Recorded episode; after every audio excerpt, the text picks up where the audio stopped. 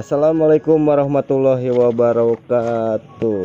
Waalaikumsalam warahmatullahi wabarakatuh. Oke, eh, kita balik lagi dalam acara ngabasah ngawangkong bareng sahabat hijrah. Di sini eh, sudah ada eh, pimpinan Saung Hijrah Sukabumi, Bapak Ustadz Asep Gunawan atau eh, orang sering mengenalnya Ustadz Oyag. Assalamualaikum Ustadz. Waalaikumsalam warahmatullahi wabarakatuh. Gimana eh, kabarnya sehat? Alhamdulillah sehat walafiat. Oke, eh, Allahu akbar. kali ini kita masih ngebahas yang episode kemarin ya, yaitu jangan tunggu hidayah untuk berhijrah. Nah, materi yang kemarin itu jangan tunggu hidayah untuk berhijrah. Kemarin kita ngebahas tentang pertama itu niat, kemudian bersihkan hati, jiwa dan raga, Mm-mm. kemudian Berkumpul dengan orang berkumpul soleh. dengan orang soleh nih yang paling penting itu. Kemudian jangan Jangan menunda. menunda Untuk untuk, berhijrah. Jadi jangan tunggu hidayah dulu, Ya. kita jemput hidayah. Kalau misalkan ada kesempatan untuk berhijrah, yaitu tadi ketemu sama orang-orang soleh, kita diajak untuk berhijrah, ayo lakukan. Lakukan. Kemudian yang kelima itu Nikmati, nikmati proses. proses dan dengan kesabarannya. Berarti kita harus benar-benar menikmati prosesnya dengan sabar bersabar. Oke, eh, kali ini nih eh, ada ada apa? Ada pertanyaan dari sahabat itu. sahabat hijrah nih. untuk materi hari ini kita akan angkat yaitu eh, jadi dia gini eh, pada sejatinya setiap manusia itu tidak luput dari masa lalunya. Itu eh, mengenai apa yang mereka lakukan. Kayak misalkan sahabat hijrah itu mempunyai banyak kesalahan-kesalahan saat mereka hidup. Dia tidak mengerti eh, apa yang menurut mereka benar dan tentu menurut Allah itu benar gitu. Hmm. Nah, berarti intinya yaitu kesalahan atau dosa. Nah, bagaimana cara kita untuk meminimalisir kemudian memohon ampunan pada Allah Mm-mm. gitu. Nah, pertanyaannya itu kayaknya. Iya. Oke. Lanjut Ustaz. Sekarang Gaskeun. Jelaskan. Bismillahirrahmanirrahim. Assalamualaikum warahmatullahi wabarakatuh. Waalaikumsalam warahmatullahi Bismillah, alhamdulillah.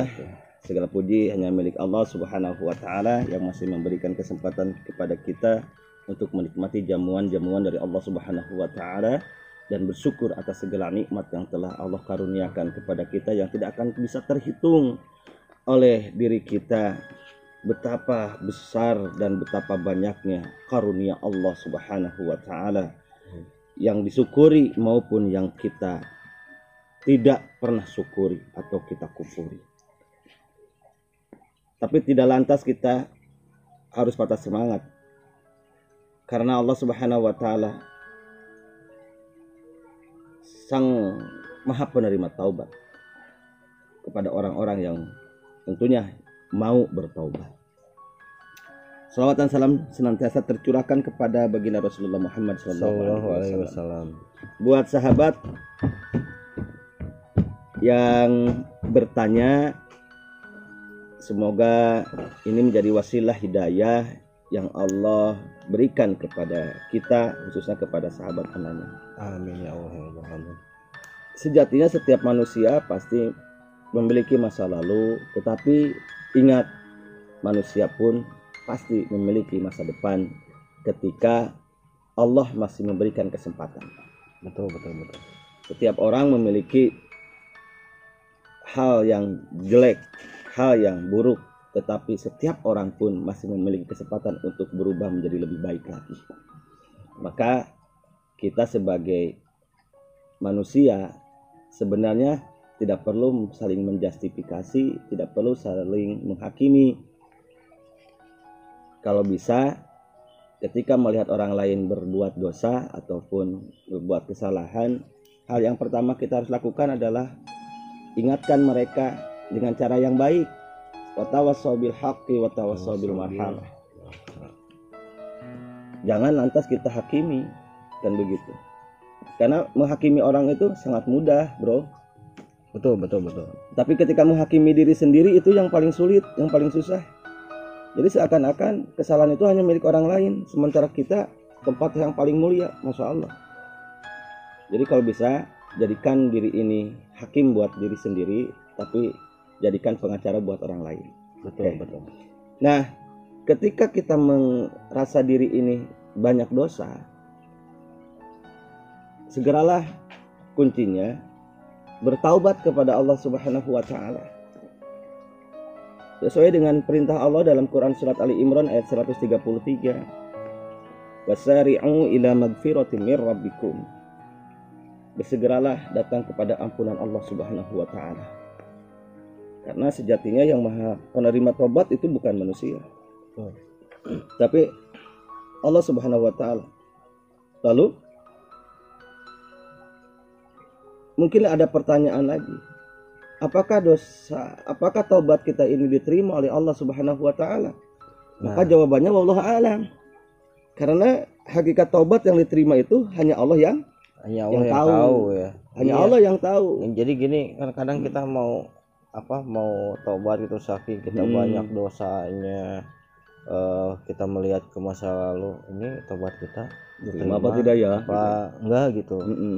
nah kayak kayak kita kita orang yang awam gitu kadang kita saat mau hijrah itu takutnya itu seperti itu Oh gitu. Eh, Jadi kayak begini, bersyukurlah kita masih diberikan kesempatan oleh Allah untuk merasakan dan menikmati sebuah dosa gitu. Oh, kok menikmati sebuah dosa? Iya, berarti orang itu sadar bahwa Iya. dia sedang sudah melakukan perbuatan dos, dosa, dosa lalu dia ingin memperbaikinya. betul betul Kayak betul. gitu. iya Daripada orang itu tidak sadar bahwa dia itu sedang berbuat dosa. Tapi ketika orang sudah sadar bahwa itu ada perbuatan dosa, maka ada kesempatan dia untuk berubah ke arah yang lebih baik. Maka apa yang kita lakukan? Ya udah tobat saja. Gaskeun gaskeun Gaskeun we tobat, tong kudu lu luak lieu, tong loba kasieun. Da nu narima tobat malin RT, lin RW, lin hansip kan gitu. Allah Subhanahu wa taala. Jadi kalau ada orang yang mengatakan, "Ah, kunaon maneh mah itu?" Dosa maneh geus sakitu lobana, Allah mau menerima mau nerima mau, mau menerima tobat maneh tah jelema nu kitu. Dibanguskeun bahasana kayak Hmm. gitunya. Seakan-akan dia itu adalah pengadil gitu. iya iya Kalau saya mah gini deh simple. Kalau ada sahabat hijrah yang ingin ingin ingin bertaubat kepada Allah, lalu dia mengatakan dosaku sudah menggunung. Bagaimana? Apakah Allah maha eh, menerimanya? Saya mah gini aja gampang. Kalau malam hari ini jalan aja keluar, iya jalan keluar rumah, lalu lalu di luar coba lihat ke atas. Kalau memang dalam suasana lagi terang, pasti di atas itu kelihatan apa? bintang Bintang kan? Oh, kelihatan bintang, bulan, gitu. Nah, pertanyaan saya, sinar bintang dan bulan itu kelihatan indah apa tidak? Eh, indah Indah kan? iya Indah sekali. Kenapa indah? karena posisinya dia kelihat bisa kelihatan itu karena suasananya gelap Karena karena bulan dan bintang terbit di malam hari. iya betul betul Di mana malam hari itu notabene adalah gelap. iya Kalau bintang dan bulan kelihatan indah karena dia terbit di malam hari, itulah gambaran sebuah dosa dengan hidayah. hmm, Jadi bin- sinar bintang dan bulan itu atau sinar bintang itu walaupun kecil tapi kelihatan gitu Iya. karena memang jaraknya jauh dari bumi. iya Kelihatan begitu indahnya karena dia bersinar Iya. di tengah kegelapan. Suara bintang sinar bintang itu ibarat dosa kita. oke Eh, sinar bintang itu ibarat hidayah, yang Allah Hidayah, berikan kepada kita. Sementara gelap gulita itu adalah eh, ibarat dosa Dosa- yang dosa kita, begitu ya. luar biasa mengelilingi diri kita. Tapi begitu cahaya bintang itu bertahan, kalau cahaya hidayah itu bisa dipertahankan oleh diri kita, maka cahaya yang kecil yang namanya hidayah itu bisa menjadi sebuah keindahan di tengah kegelapan dosa masa lalu kita. Jadi dosa masa lalu kita yang dilihat dipandang oleh orang lain begitu menyeramkan, Iya. begitu ada sinar cahaya hidayah, lalu cahaya hidayah itu dipertahankan oleh kita, maka kegelapan masa lalu itu akan menjadi sebuah keindahan yang memperindah nilai hidayah. Apakah kita tidak ingat cerita Umar bin Khattab, sahabat Rasul? Iya. Dosanya melimpah ruah, Betul. tapi betul. begitu hidayah Allah ada dalam dirinya lalu diperjuangkan, apa yang terjadi? Kalau dilihat, nggak, nggak orang nggak memandang lagi siapa Umar bin Khattab masa lalu, tapi yang dia lihat sekarang ini Umar bin Khattab yang taat terhadap Allah dan Rasulullah Shallallahu Alaihi Wasallam. Kan begitu. Maka segeralah gaskeun we pokoknya nama. Gas ke. Gaskeun tobat. gitu. Terus gini, Ustad, kadang kita eh, berbicara dengan tobat ya. Hmm. Tobat itu kita memohon ampunan kepada Allah. Hmm. Nah sekarang eh, kita udah ada secerca harapan gitu, bahwasanya kalau misalkan eh apa apa yang menjadi kesalahan kita di masa lalu itu ternyata masih bisa diperbaiki dan insya Allah gitu eh, dengan cara tobat itu kesalahan-kesalahan kita mungkin gitu dengan harapan bisa menjadi nol atau kita menjadi lebih baik lagi gitu. Harus. Nah sekarang gini ada pertanyaannya gimana caranya untuk bertobat Ya. alurnya gitu Alurnya. kadang kan misalkan orang sekarang kita berbicara dengan masalah taubat kalau Hmm. misalkan secara ini pasti tahu lah yang namanya taubat itu memohon ampunan tapi caranya orang kadang kan bingung gitu caranya kita mulainya dari mana dulu gitu untuk Hmm. bertobat Oke. Eh, setiap orang tadi menginginkan ampunan dari Allah Subhanahu wa taala betul betul dari dosa-dosa yang pernah dilakukan. Maka melakukanlah taubat. Tapi taubatnya jangan sobat sambal, Bro. tobat sambal Ampun, ampun, ada tapi sampai beak sambal gitu nya. Mau ampun gitu. udah habis ini Alhamdulillah. Heeh, Ya, gitu. gitu. Tapi taubatnya taubat yang sebenarnya taubat namanya taubatan nasuha. tobatan nasuha Ya, ya. yang jelas eh, ada rangkaian taubat. Yang pertama adanya sebuah kesadaran diri dan mengakui kezoliman diri dan menghinakan diri kita kepada Allah Subhanahu wa taala. oke itu yang Jadi pertama ya. yang pertama itu adanya kesadaran diri kesadaran diri, mengakui bahwa diri ini zalim. Hmm, berarti kita harus sadar dulu Bahwa- Sadar dulu tuh bahwa kita adalah or- orang-orang yang pernah berbuat dosa dosa dan hari ini kita ingin kembali kepada Allah dengan cara apa? Menghinakan diri kita kepada Allah Subhanahu wa Iya. taala. Tidak boleh kita menghinakan diri kepada manusia, Hmm, tapi kepada Allah harus menghinakan diri. menghinakan diri Apa sih yang tidak hina di hadapan Allah? Hmm, betul betul. Dengan ada perasaan itu, maka kesombongan diri kita dengan apa yang kita miliki, dengan siapa diri kita, iya itu akan di akan akan akan luntur karena kita merasa hina di hadapan Allah. Itu yang pertama. Yang pertama Yang kedua, kedua apa tuh adanya rasa menyesal. Penyesalan yang luar biasa karena kita sudah mensia-siakan perintah Allah. betul betul Karena kita sudah terjebak kepada tipu dayanya setan setan. Sementara Allah mengatakan di dalam Al-Qur'an surat Al-Baqarah ayat 208, Ya. "Ya ayyuhalladzina amanu dkhulu fi silmi kafah wa la tattabi'u khutuwati syaiton innahu lakum aduwwum mubin." Ya. Ternyata musuh kita itu adalah iblis setan, Bro. Dan kita menyesal karena kita sudah sudah terjebak dengan dengan eh, bujuk rayu si setan itu. sudah menjadi bagiannya ya Ah, udah menjadi bagian padahal mah musuh cek kurang Ya. tapi ternyata kita itu menjadi teman yang abadi. iya berarti saat kita ngomong setan setan sama orang ternyata setan itu diri kita Diri sendiri kita. Ada dalam diri kita. Dan ingat bro, setan mah tidak setan itu sebenarnya tidak tidak memasukkan kita ke neraka loh. iya Ingat tuh, sahabat-sahabat hijrah yang memasukkan diri kita ke neraka diri kita bro. Kita Kenapa? sendiri. Karena setan mah tidak punya fungsi untuk memasukkan manusia ke dalam neraka. Fungsi setan hanya menggoda. menggoda Nah, karena kita tergoda, akhirnya kita yang mencemplungin diri karena senang neraka gitu. Iya. Nah, itu yang kedua ya. oke Dan selanjutnya itu yang ketiga hatinya itu apa ya? Hatinya itu luluh dan mudah menangis ketika dia mengingat masa lalu. iya Jadi ketika kita sujud, ketika berdoa kepada Allah, kita menangis karena dosa-dosa kita yang sudah dilakukan.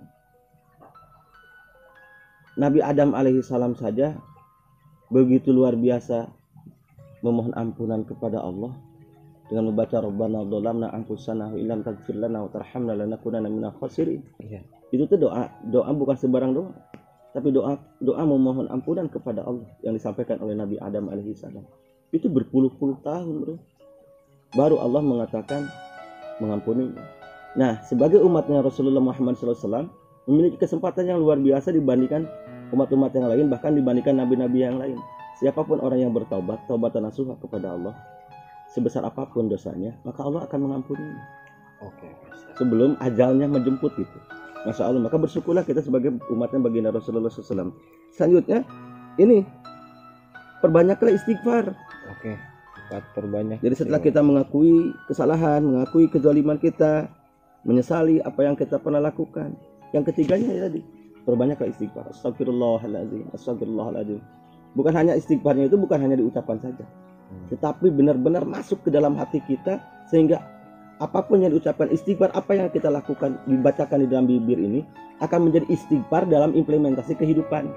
Jangan istighfar dalam mulut astagfirullahaladzim astagfirullahaladzim tetapi begitu selesai membaca astagfirullahaladzim balik lagi Iya. berbuat maksiat lagi kita. Hmm. Kalau biasa ngomongin orang ngomongin orang lagi, biasanya korupsi korupsi lagi, biasanya nipu nipu lagi kan gitu. Iya. Kadang kan gini ya. Kita saat melakukan kesalahan ya, Hmm. astagfirullahaladzim. Tapi besoknya melakukan lagi. Itu dapat sambal kan? Sambel. Nah, gitu. Nah, seperti itu. Oke, sebentar Ustadz kita jeda dulu masih ada yang selanjutnya ya? Oh masih ada. Masih ada. Oke, jadi buat teman-teman yang mau dengerin podcastnya bisa di aplikasi Anchor, Anchor.fm, kemudian di Spotify, cukup cari aja SHS Podcast, kemudian di Google Podcast juga kita udah ada ya SHS Podcast.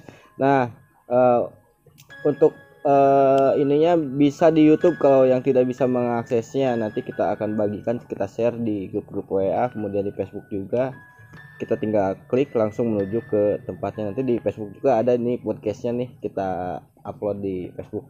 Dan gini, dan ini mudah-mudahan ini menjadi ladang amal, iya. Ladang amal di hadapan Allah Subhanahu Wa Taala kan gitu. iya. Mungkin eh, dengan media ini kita share ke teman-teman eh, tentang kehijrahan. Ini menjadi wasilah untuk kita berjuang menjadi lebih baik lagi. Amin. dengan cara mengajak teman-teman untuk share sebanyak-banyaknya. Kemudian silakan diikuti.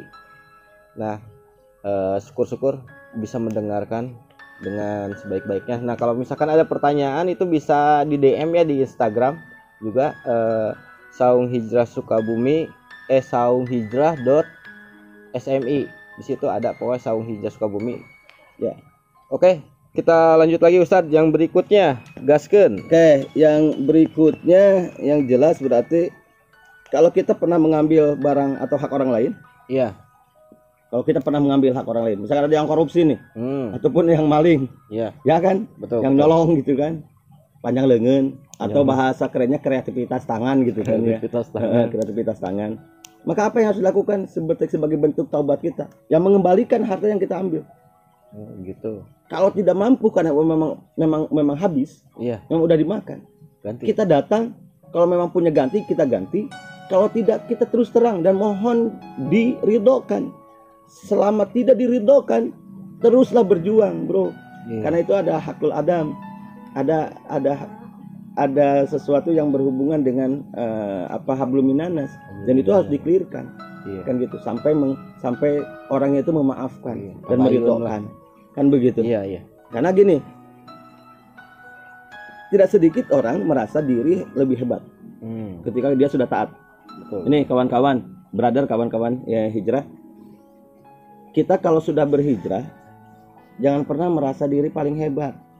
Karena demi Allah kita bisa sujud kepada Allah. Iya. kita bisa melaksanakan ibadah di hadapan Allah. Karena Allah berikan hidayah hidayah. hidayah kepada kita maka apa tugas kita doakan kawan-kawan kita untuk bisa mendapatkan hidayah seperti kita iya terus orang taat itu bukan berarti orang yang tidak berkeinginan untuk melakukan maksiat bro sorry betul betul orang yang taat itu bukan berarti dia adalah orang yang tidak punya keinginan untuk bermaksiat. Tapi kenapa tidak tidak melakukan? Karena dia nafsunya sudah dikalahkan dengan rasa takutnya kepada Allah. hmm, berarti egonya ya Jadi egonya. Egonya untuk bermaksiat Iya, itu dikalahkan dengan rasa takutnya dia dengan Allah. betul betul. Bukan berarti kita gini. Kayak kita misalkan mohon maaf nih. Ketika kita mendengar azan, kenapa kita itu segera melaksanakan sholat atau ibadah? Padahal ada keinginan, apalagi ketika misalkan kita nongkrong, Hmm. apa gitu kan. Kehayangan nama ah nggak terus kan main gitar-gitaran Hmm, gitu kan, betul. nyanyi-nyanyian. Tapi kenapa kok kita langsung ketika kita main gitar misalkan, Hmm. bergitar-gitar nyanyi-nyanyian, ketika dengar adzan lalu kita berhenti, lalu kita berangkat. Kenapa? Bukan berarti tidak ada peluang untuk untuk melanggar perintah Allah. Iya, banyak loh. Tapi ternyata ego kita, alhamdulillah di situlah harus disyukuri. Iya, Ego kita sudah terkalahkan dengan rasa takutnya kita kepada Allah Subhanahu wa taala. iya. Maka beruntunglah kita menjadi orang-orang yang takut dengan Allah. Gitu kan? Karena be- betapa Allah menjamin atau menyampaikan dalam Quran surat ke-35 ayat ke-28, surat Quran surat ke-35 itu Quran surat Fatir. Iya. Yang potongannya salah satunya adalah innama yasyallahu min ibadihil ulama. Sesungguhnya orang-orang yang takut dengan Allah Subhanahu wa taala salah satunya adalah dia ulama. Maka kalau kita ingin takut dengan Allah, dekatlah dengan ulama Iya, dekatlah dengan para kiai, dekatlah dengan para ustadz. bukan biar dengan kita- orang-orang soleh. Ah, dekatlah dengan orang yang kembali lagi kemarin. Iya. Gitu. Terus dan yang tidak kalah pentingnya juga, kenapa ketika kita melihat ada orang yang bermaksiat, bukan tidak memiliki iman nih, catat. Iya, Orang yang bermaksiat bukan tidak memiliki iman, brother. Hanya saja imannya terkalahkan dengan hawa nafsu durjana. nafsunya. Jadi ya. kembalikan kayak tadi. Mm-mm. Kalau tadi mau orang taat, bukan tidak mau bermaksiat, tapi kemaksiatannya itu terkalahkan dengan rasa takutnya dengan Allah. Iya. Tapi kenapa ketika ada orang yang bermaksiat, bukan berarti dia tidak iman, Hmm, tapi keimanannya itu terkalahkan dengan hawa nafsu yang durjana, Iya. sehingga ya udah, gimana nanti aja. Bukan nanti gimana ya? Nah, bukan nanti gimana, kan begitu. Nah itu Oke. jadi yang eh, ketika kita pernah ngambil harta orang lain, maka segeralah kembalikan. Oke, eh, kita jeda dulu nih ada Ya. ada saya ada pertanyaan. Jadi gini, misalkan kita pernah melakukan sesuatu di masa lalu itu menjadi histori atau pengalaman kita. Hmm. Nah, saat setelah kita berhijrah gitu kebanyakan kan orang eh kadang orang itu masih bangga dengan masa lalunya gitu. Hmm. Nah, seperti itu. Nah, itu gimana kita menyikapinya? Apakah kita harus bangga dengan masa lalu? Kemudian kita eh, apa? istighfar dan sebagainya itu apakah itu harus menjadi contoh saja? Apakah kita harus menutup masa lalu kita jangan di apa jangan dibuka-buka lagi gitu. Jadi gini, setiap orang tadi kembali lagi pasti kan punya masa lalu Betul. Dan bagaimana cara cara menghapus masa lalu. Rasulullah SAW pernah menyampaikan barang siapa orang yang berbuat berbuat kejahatan ataupun berbuat eh, dosa, Iya. maka ikutilah dengan perbuatan yang baik, maka perbuatan baik itu akan menghapus perbuatan dosa. Iya. Jadi kalau seandainya dulu masa lalu kita ini eh, seorang pembuat dosa, Iya, nah kita menyadari semuanya perbuat dosa, pasti pasti. Nah, nah, maka bagaimana cara menghapusnya tadi? Hari ini kita yuk kita isi hari-hari kita dengan perbuatan yang baik, dengan perbuatan yang dalam tanda kutip sesuai dengan perintah dan keinginan Allah Subhanahu wa taala. Iya. Khairun nas anfa'uhum linnas sebaik-baiknya manusia adalah yang bermanfaat, kontribusi yang memberikan kontribusi kepada masyarakat lebih baik. Iya. Nah, bagaimana dengan masa lalu kita? Masa lalu itu tidak bisa dilupakan. Asli, tidak bisa dilupakan. Tetapi jadikan masa lalu itu sebagai gambaran Iya. supaya kita ke depan tidak me- tidak melakukan sesuatu yang seperti masa lalu. Betul. Kalau betul. ibaratnya ini, jadikanlah masa lalu itu kata spion. Hmm. Sekali-kali untuk melihat, masya Allah, dulu saya melakukan pernah melakukan ini. Hmm. Oh ya Allah, dulu saya pernah melakukan. Mohon maaf misalkan saya pemabuk. Iya. Saya hari ini bagaimana? Ya jangan dimabuk lagi. Iya. Karena salah satu mohon maaf salah satu biang keroknya dosa Iya. biang kerok nih biang keroknya dosa Iya. itu mabuk bro Mabuk. mabuk mabuk khomer Iya. bukan mabuk janda Jangan. Makanya di Quran juga diharamkan. Wah, ya. Bahkan orang yang mabuk itu tidak boleh mabuk. jangankan sholat mendekati yang sholat juga jangan wala takrobus sholat dan Iya. janganlah mendekati sholat sholat bahkan eh, luar biasa lagi seorang yang tidak pernah berzina, seorang yang tidak pernah membunuh Hmm. akan mampu melakukan perbuatan dua, dua, dua dosa itu gara-gara mabuk Hmm, karena tidak sadar ya. karena tidak sadar. Iya. Dia mabuk, akhirnya dia membunuh dan dia berzina. Nauzubillahi min dalik. Tetapi itu tidak bisa kita hapuskan misalkan. Ya udah jangan dihapuskan, tetapi menjadi gambaran untuk ke depan tidak lagi melakukan hal seperti itu. Oke. Eh kita masih eh, gini cara bertobat itu untuk cara bertobat itu baiknya kita apa saat hij- saat hijrah itu eh seperti apa sih? Maksudnya dilakukan kapan gitu? Apanya? Kita untuk bertobatnya gitu. Ya jelas kan nanti ada rangkaian ketika kita sudah melakukan eh, dan sudah sudah sudah sadar dan kita ingin melakukan Ah. taubat tadi rangkaiannya sudah yang sudah dilakukan. dilakukan Ada lagi kita juga melakukan sholat taubat tuh. sholat tobat. sholat tobat sholat sunnah dua rakaat tetapi di tapi diniatkan untuk bertobat kepada Allah Subhanahu wa Iya. taala dan ini intinya gampang tapi susah Gampang. gampang tapi susah Betul. gampang diucapkan susah dilakukan Iya susah dilakukan. orang melakukan tobat Hmm. orang itu benar tobat Iya. ketika dia berusaha lebih baik Iya. cirinya satu aja dulu cirinya satu aja dulu Hmm. istighfar udah udah bagian Udah. Tapi istighfar, mengakui kesalahan, menyesal itu akan akan dibilang bohong Hmm. kalau seandainya tihangnya taubat tidak dilakukan, tidak diamalkan. Sholat. Sholat. Tapi itu sholat nanti kita akan bahas Oke oke. di, di pertemuan Di yang, pertemuan yang selanjutnya. selanjutnya. Yang ini aja terakhir. Terakhir nih, Oke oke. terakhir. eh buat saudara-saudaraku, sahabat-sahabatku, jangan pernah lelah untuk menggapai mardotillah. Jangan pernah lelah untuk kita berhijrah. Tadi mumpung kita masih punya kesempatan hidup, mari kita lakukan eh, pertaubatan kepada Allah Subhanahu wa taala. Dan jangan kecil hati, orang yang bertaubat itu Allah sudah jamin dalam Al-Qur'an siapa pun orang yang bertaubat akan dijamin kehidupannya bahagia. Jangan pernah kecil hati ketika kita bertaubat.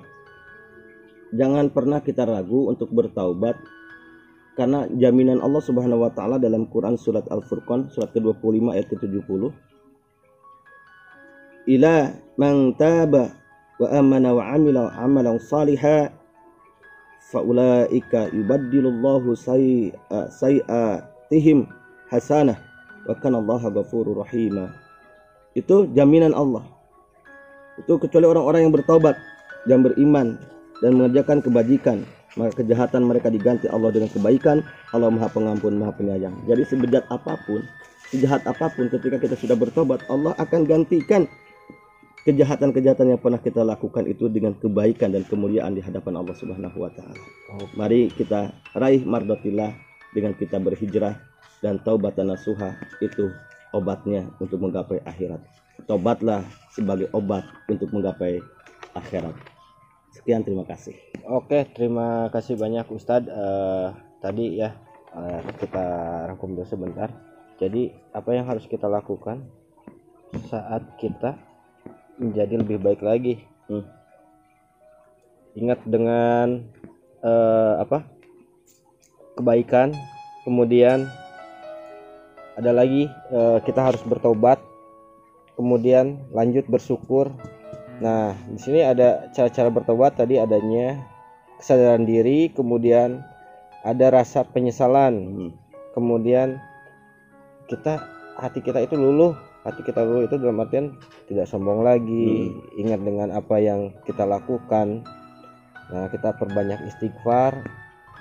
Nah, terus kemudian eh Mengembalikan iya mengembalikan eh hak orang lain. ya hak orang lain ya. Kemudian kita eh, hilangkan rasa takut. Nah ini yang paling penting itu saat kita bertobat itu perlu keberanian. Ibaratnya gini kalau misalkan kita mungkin kalau berantem itu spontan ya dengan emosi. Kenapa saat bertobat itu kita menjadi seorang pengecut? Nah, nah itu. Kita jangan sampai jadi seorang pengecut. Karena apa gitu? Saat kita berantem sama orang lain kita mungkin bisa membela diri. Kenapa? Kita saat bertobat juga ada yang yang lebih apa yang harus kita bela itu diri kita loh di depan apa di depan Allah. Untuk mencapai suatu ridhonya Allah yaitu eh, apa menjadi lebih baik lagi. Oke eh, itu aja untuk podcast hari ini ya. Nanti kita di podcast berikutnya itu kita dengan tema hijrah meraih berkah. Nanti eh, kalau misalkan buat teman-teman yang eh, mau bertanya silakan melalui DM atau nanti di Facebook atau mungkin di WA juga untuk tema berikutnya. Mungkin itu saja yang bisa saya sampaikan. Wabillahi taufiq walhidayah wassalamualaikum warahmatullahi wabarakatuh. Waalaikumsalam warahmatullahi wabarakatuh